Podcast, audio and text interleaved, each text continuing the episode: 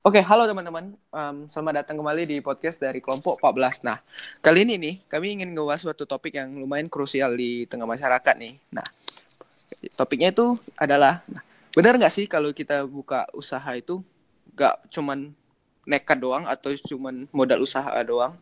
Nah, kali ini kami udah mengundang dua pembicara nih ya. Boleh say hi dulu? Halo. Perkenalkan, aku Rani dari Wiru 19. Halo, kenalin aku Isti dari Manajemen 2022. Nah, jadi nggak bakalan salah nih informasinya karena dari anak SBM. Nah, nah jadi karena pembangunan manusia dan penguasaan iptek itu merupakan salah satu pilar dalam mewujudkan visi Indonesia Emas 2045. Hal itu tuh sangat krusial untuk perkembangan Indonesia itu sendiri di ke depannya. Nah, dalam pilar tersebut terdapat berbagai macam isu yang dapat dipertanyakan atau diangkat. Nah, seperti pendidikan entrepreneurship. Nah, seperti yang kita ketahui, salah satu pendorong peningkatan ekonomi suatu negara adalah banyak atau sedikitnya jumlah pengusaha atau entrepreneur. Tapi tetapi sayangnya semua pengusaha terutama pengusaha yang baru memulai atau pengusaha muda mendapatkan pendidikan entrepreneurship yang kurang atau tidak sama sekali. Padahal pendidikan ini memegang peran penting loh dalam mengembangkan bisnis agar dapat terlaksana dengan lebih produktif. Nah, oleh karena itu sangatlah penting mengajarkan mental entrepreneurship sedini mungkin. Masyarakat perlu diperkenalkan dan dirangsang untuk melihat gambaran yang membawa alam pikirannya untuk menjelajahi dunia wirausaha. Nah, jadi agar pengusaha-pengusaha baru yang baru memulai tidak salah dalam pelaksanaannya Nah, kami di sini nih menghadirkan narasumber untuk melakukan pertanyaan seputar apa sih yang diperlukan oleh pengusaha muda dasar-dasar. Nah, ini jadi ada beberapa pertanyaan nih yang bisa dijawab nih. Yang pertama itu, apa sih pendidikan dan mindset entrepreneurship itu? Boleh dijawab nih.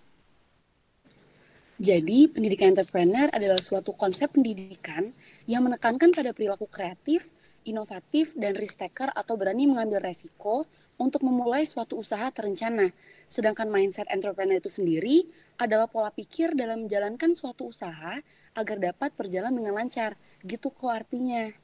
Wah, gitu tuh. Jadi kalau yang belum ngerti, terima kasih ya.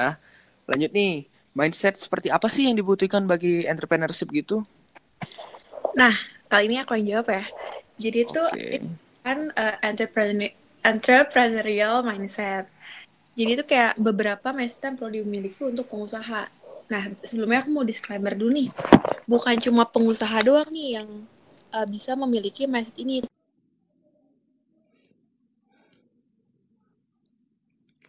Oke, jadi uh, mindset yang dibutuhkan oleh seorang entrepreneur atau pengusaha itu yang pertama adalah berani mengambil resiko karena uh, kunci dari kesuksesan seseorang pengusaha itu ya mereka berani mengambil resiko gitu dengan berpikir optimis bahwa hal tersebut dapat dicapai. Dan juga pengusaha yang sukses saat ini masih terbilang sedikit nih karena masih banyak yang belum berani mengambil resiko.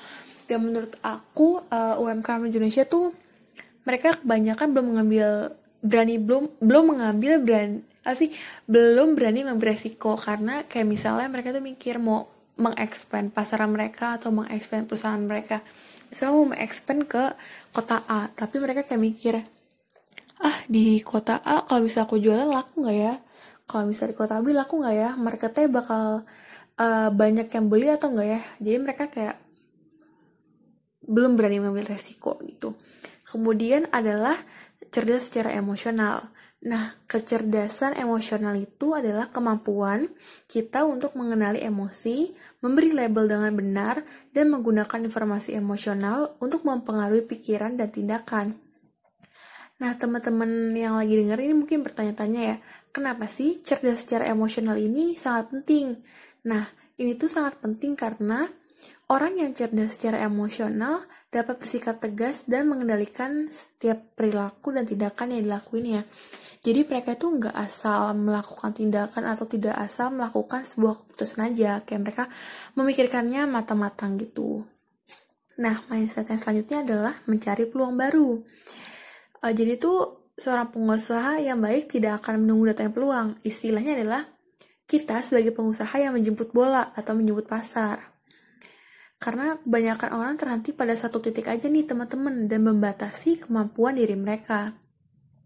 Selanjutnya adalah kreatif dan inovatif. Karena kita memasuki di zaman di mana semua informasi itu tersebarnya sangat cepat banget nih. Karena adanya globalisasi. Jadi, saing dalam dunia bisnis sangat banyak dan bener-bener beragam banget nih macamnya, bener gak sih? Nah, oleh sebab itu tuh para pengusaha benar-benar dituntut untuk bisa menemukan hal-hal baru dan dapat menemukan suatu solusi yang baru nih yang bisa dijadikan sumber bisnis. Nah, uh, mindset selanjutnya ini nggak kalah penting nih teman-teman, yaitu action oriented. Ide tanpa aksi hanya akan berakhir dengan kegagalan nih. Nah, buat apa kita punya ide banyak-banyak, buat apa kita punya ide cemerlang, buat apa kita punya ide yang bagus sekalipun dapat menyelesaikan suatu masalah, kalau nggak ada actionnya, nggak ada tindakannya, ya sama aja bukan?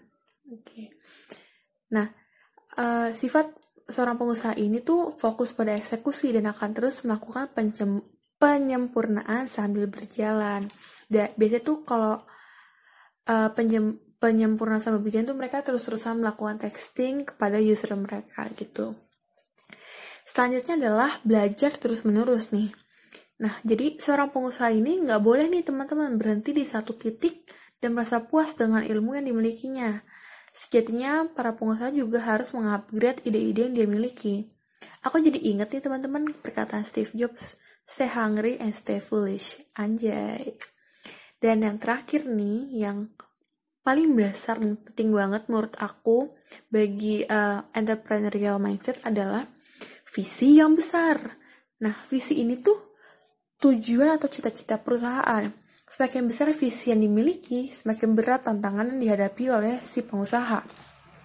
Nah, biasanya setelah membuat visi ini, ada misi-misi yang mana bisa dijadikan sebagai goals-goals yang akan uh, dicapai oleh perusahaan. Dan ini tuh sangat penting banget teman-teman. Gitu.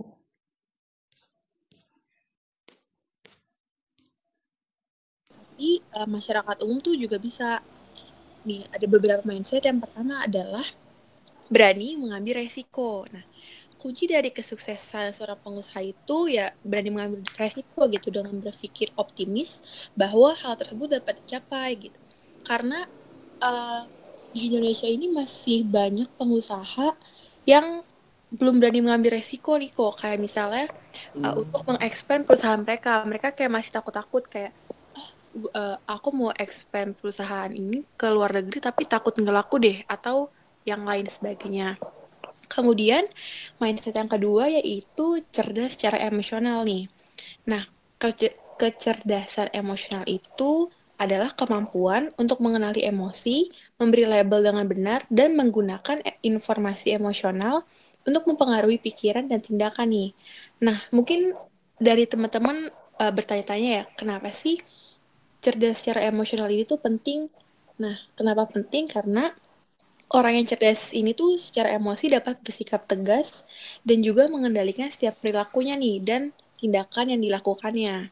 Jadi nggak asal main nggak uh, asal main bertindak aja gitu. Terus uh, mindset yang ketiga adalah mencari peluang baru nih. Seorang pengusaha itu yang baik dia nggak bakal nunggu adanya datang peluang yang baru ke dia gitu. Yang ada tuh mereka kayak istilahnya jemput bola gitu, menjemput si peluangnya itu. Yang selanjutnya adalah kreatif dan inovatif karena kita sekarang hidup di zaman yang informasi itu menyebarnya sangat cepat ya. Jadi pesaing di dunia bisnis tuh bener-bener banyak banget dan uh, beragam banget nih mac macamnya. Karena itu uh, para pengusaha tuh juga dituntut nih untuk menemukan hal-hal baru yang dapat uh, dijadikan solusi yang baru yang nantinya akan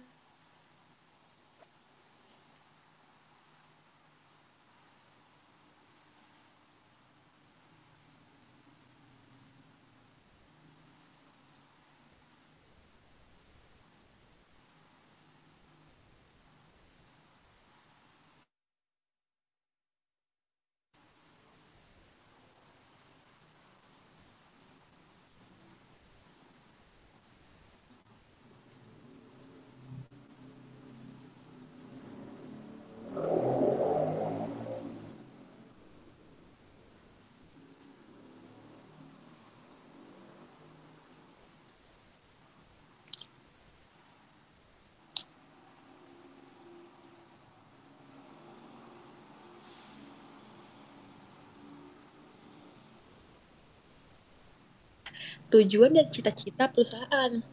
Jadi semakin besar visi yang dimiliki, semakin besar tantangan yang harus dihadapi oleh pengusaha. Jadi dengan visi yang buat nanti kan ada misi-misi kan kayak uh, istilahnya tuh goals apa yang pengen kita capai gitu. Itu menurut aku sih um, entrepreneurial mindset. Oh, oke okay, oke. Okay. Thank you, Deng. Rani ya. Jadi kalian bisa lihat sendiri, eh sorry nih, dengar sendiri. Nah kan ada banyak tuh yang harus diperhatikan supaya tidak salah langkah gitu. Selanjutnya nih, kenapa sih kok keduanya jadi penting? Boleh nih untuk Isti untuk menjawab. Nah jadi Pendidikan entrepreneurship menjadi penting karena setiap insan baik pebisnis atau masyarakat yang bukan pebisnis memerlukan ilmu tentang menanamkan kompetensi, keterampilan dan nilai-nilai yang diperlukan dalam mengenali peluang bisnis serta mengatur dan memulai usaha baru.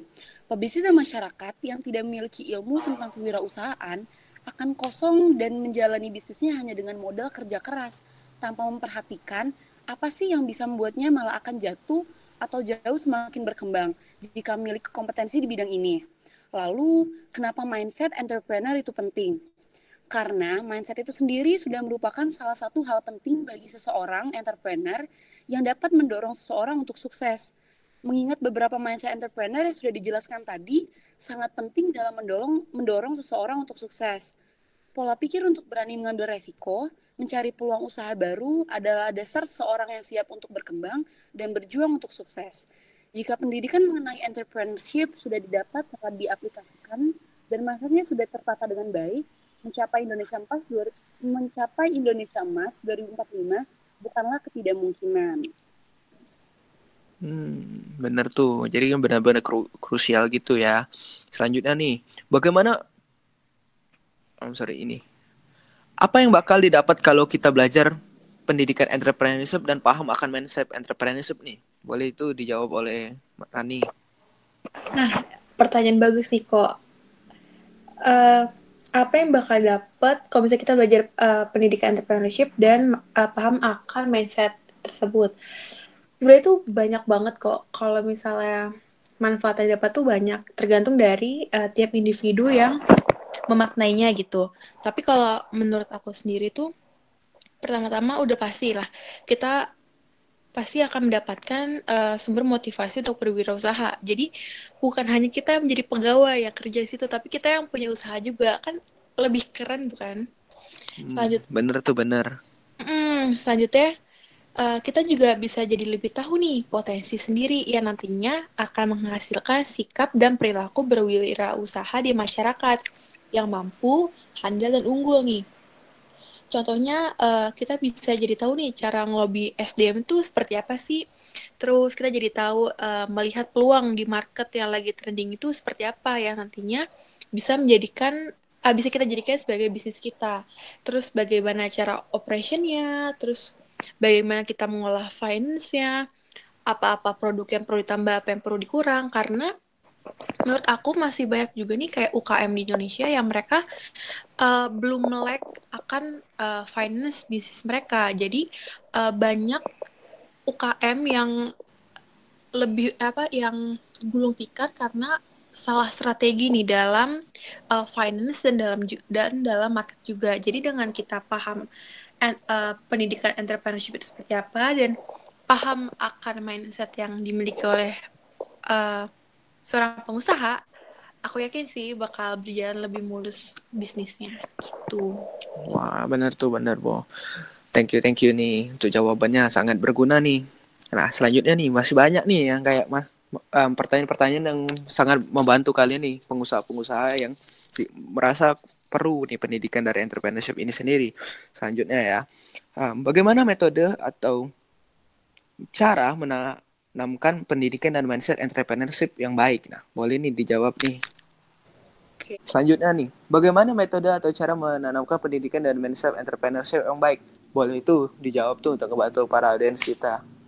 Nah, oke okay kok. Jadi, pendidikan entrepreneur itu sebenarnya nggak hanya terkhusus bagi orang-orang yang menjadi pengusaha. Mindset pengusaha yang diajarkan dalam pendidikan itu sebenarnya mindset dasar orang-orang yang sukses jadi penting banget tuh penanaman mindset sejak dini. Dengan metodenya salah satunya dilakukan menjadikan pendidikan entrepreneur sebagai mata pelajaran wajib dalam kurikulum. Selain pemberian ilmu secara teori, dalam pendidikan entrepreneur juga diperlukan penerapan teori secara nyata agar menghasilkan generasi yang mampu bersaing dengan baik di masa depan, terutama dalam mencapai Indonesia Emas 2045. Nah, eh, kalau contohnya sendiri untuk di SBM itu sebenarnya udah pernah uh, beberapa praktek secara nyata untuk mengajarkan mahasiswa-mahasiswanya belajar berbisnis secara langsung yang garan salah satunya itu kayak uh, pelajaran performance art dan pelajaran leadership management practice yang mana di sana kami dituntut untuk dapat berwirausaha atau berbisnis dengan menerapkan konsep secara langsung atau secara nyata gitu kok. Bener oh. banget. Uh, jadi kita kayak beneran langsung dijerumus ini istilah kayak dilepas dalam hutan tentang bisnis tanpa ada uh, pengetahuan ilmu tentang bisnis nih. Jadi kita diceburin dulu, baru nanti setelah uh, waktu ditentukan kita baru dikasih ilmu tentang bisnis itu. Ya bener banget. Waduh, oke okay, oke, okay. thank you. Thank you lagi nih jawabannya sangat berguna nih. Selanjutnya nih masih ada beberapa pertanyaan yaitu apakah mindset entrepreneurship akan tetap berguna jika kita tidak menjadi seorang entrepreneurship? Wah. Udah pasti sangat-sangat berguna sih menurut aku. Contohnya aja nih, uh, tadi yang udah aku sebutin, salah satu mindsetnya kan adalah berani mengambil keputusan ya. Nah, mindset itu bener-bener sangat penting gitu loh. Uh, karena jika kita lihat nih dari dalam kehidupan sehari-hari, pasti terdapat banyak banget pilihan kan, sehingga kita harus mengambil pilihan yang paling tepat dan tidak menyesal dengan keputusan kita sendiri. Jadi ya bakal tetap berguna guys. Hmm, benar banget kan, jadi nggak ada ruginya kalau kalian belajar nih. Selanjutnya nih, bagaimana cara masyarakat mendapatkan pendidikan entrepreneurship? Apa yang dapat mereka akses tuh? Nah, untuk uh, informasi bagi para audiens, sebenarnya pendidikan entrepreneurship itu sangat mudah banget untuk diakses dalam berbagai macam cara. Jadi udah banyak banget tuh pendidikan entrepreneurship yang tersedia dengan berbagai bentuk dan berbagai uh, akses juga. Jadi dalam perkembangan teknologi sekarang, pendidikan itu sangat mudah didapat. Banyak tools atau aplikasi yang menawarkan pembelajaran bisnis, bahkan tidak dipungut biaya sepeser pun saat ini itu udah ada banyak banget situs belajar bisnis online yang gratis. Aku kasih informasi ya. Beberapa di antaranya itu adalah Udemy, Udacity, Coursera, dan Ed. Nah, tak hanya mendapat ilmunya saja, tetapi beberapa aplikasi dan situs ini juga akan memberikan sertifikasi profesional kepada partisipannya. Selain pembelajaran online melalui situs dan aplikasi, pendidikan entrepreneurship itu juga dapat diperoleh dari seminar-seminar yang diselenggarakan oleh banyak pihak ternama. Walaupun di masa pandemi, seminar ini masih dapat diikuti dengan metode lain yang dikenal dengan webinar. Webinar ini dapat memberikan wawasan dan pengetahuan lebih mendalam untuk memulai dan mengembangkan bisnis. Iya, aku mau nambahin sedikit nih kok dari jawaban Isti tadi. Boleh banget nih. Nah, selain yang udah Isti bilang tadi, uh, cara gimana cara masyarakat mendapatkan pendidikan entrepreneurship sebenarnya kan uh, ada tridharma perguruan tinggi nih kok yang salah satunya adalah pengabdian masyarakat nah kita udah sering tahu dan sering lihat kan di berbagai yeah. universitas atau perguruan tinggi mereka itu mengirimkan uh, mahasiswanya nih ke pelosok-pelosok daerah untuk salah satunya untuk uh, mengembangkan perekonomian daerah tersebut. Nah, menurut aku itu bisa kita manfaatkan untuk uh, menyebarkan tentang si mindset entrepreneurship ini dan juga pendidikan entrepreneurship. Jadi uh, bukan hanya seberapa besar untung uh, dari desa tersebut yang didapat dari bisnisnya, tetapi juga menanamkan pendidikannya gitu. Hmm, oke oke nih. Jadi ini ya, ya kena kenapa hal ini krusial tuh ya balik lagi karena bakalan digunakan untuk masyarakat itu sendiri sesuai dengan tridama perguruan tadi kan. Pertanyaan terakhir nih, bagaimana harapan dan output dari pendidikan entrepreneurship kepada masyarakat? Nah ini penting ini. Boleh nih, mungkin aspirasinya boleh dikeluarin semua nih. Iya benar banget. Nah, kalau harapan dan output dari pendidikan entrepreneurship ini sendiri, uh, kita pengen nih masyarakat dapat mengaplikasikan ilmunya untuk berani nih memulai bisnis dan menjalankan usaha. Bukan hanya sekedar ide aja, tapi ada actionnya gitu. Dan tentu saja dengan pola pikir yang uh, juga membantu untuk mendorong keberhasilan dalam bisnis tersebut. Seperti yang tadi aku udah bilang, entrepreneurial mindset. Dan diharapkan juga dari pendidikan ini akan muncul nih jiwa-jiwa dan para pebisnis yang kompeten, visioner, dan sukses yang nantinya bisa ikut bersaing di Indonesia Emas tahun 2045 gitu. Nah, kok ngomong-ngomong tentang Indonesia Emas 2045, kan kayak yang kayak kita ketahui kalau di tahun 2045 itu generasi kita bakal menjadi generasi emas pas tahun 2045 yang mana bakal terjadi bonus demografi di mana angka produktif akan lebih tinggi daripada angka non produktif sehingga uh, ilmu tentang pendidik entrepreneurship ini akan sangat berguna banget untuk memajukan perekonomian yang ada di Indonesia gitu kok kalau menurut aku. Wow. Ya, juga uh, salah satu pilar dari uh, Indonesia Emas 2045 nggak sih guys? Bener tuh bener banget. Yang pengembangan manusia dan uh, pemerataan iptek ya? Ya. Nah, thank you banget ya sebagai narasumber yang udah datang kali ini materinya sangat berguna banget nih untuk ke depan dan juga ya untuk kesejahteraan masyarakat itu sendiri. Thank you so much ya. Iya. Terima kasih. Iya. Uh, Oke, okay. gimana nih kalian udah dengar kan bagaimana pendidikan entrepreneurship itu betapa pentingnya poin-poin apa aja yang um, perlu kalian perhatikan supaya kalian menjadi entrepreneurship yang baik. Nah, Sekian dari kami dari podcast kelompok 14 and see you in another podcast. Goodbye.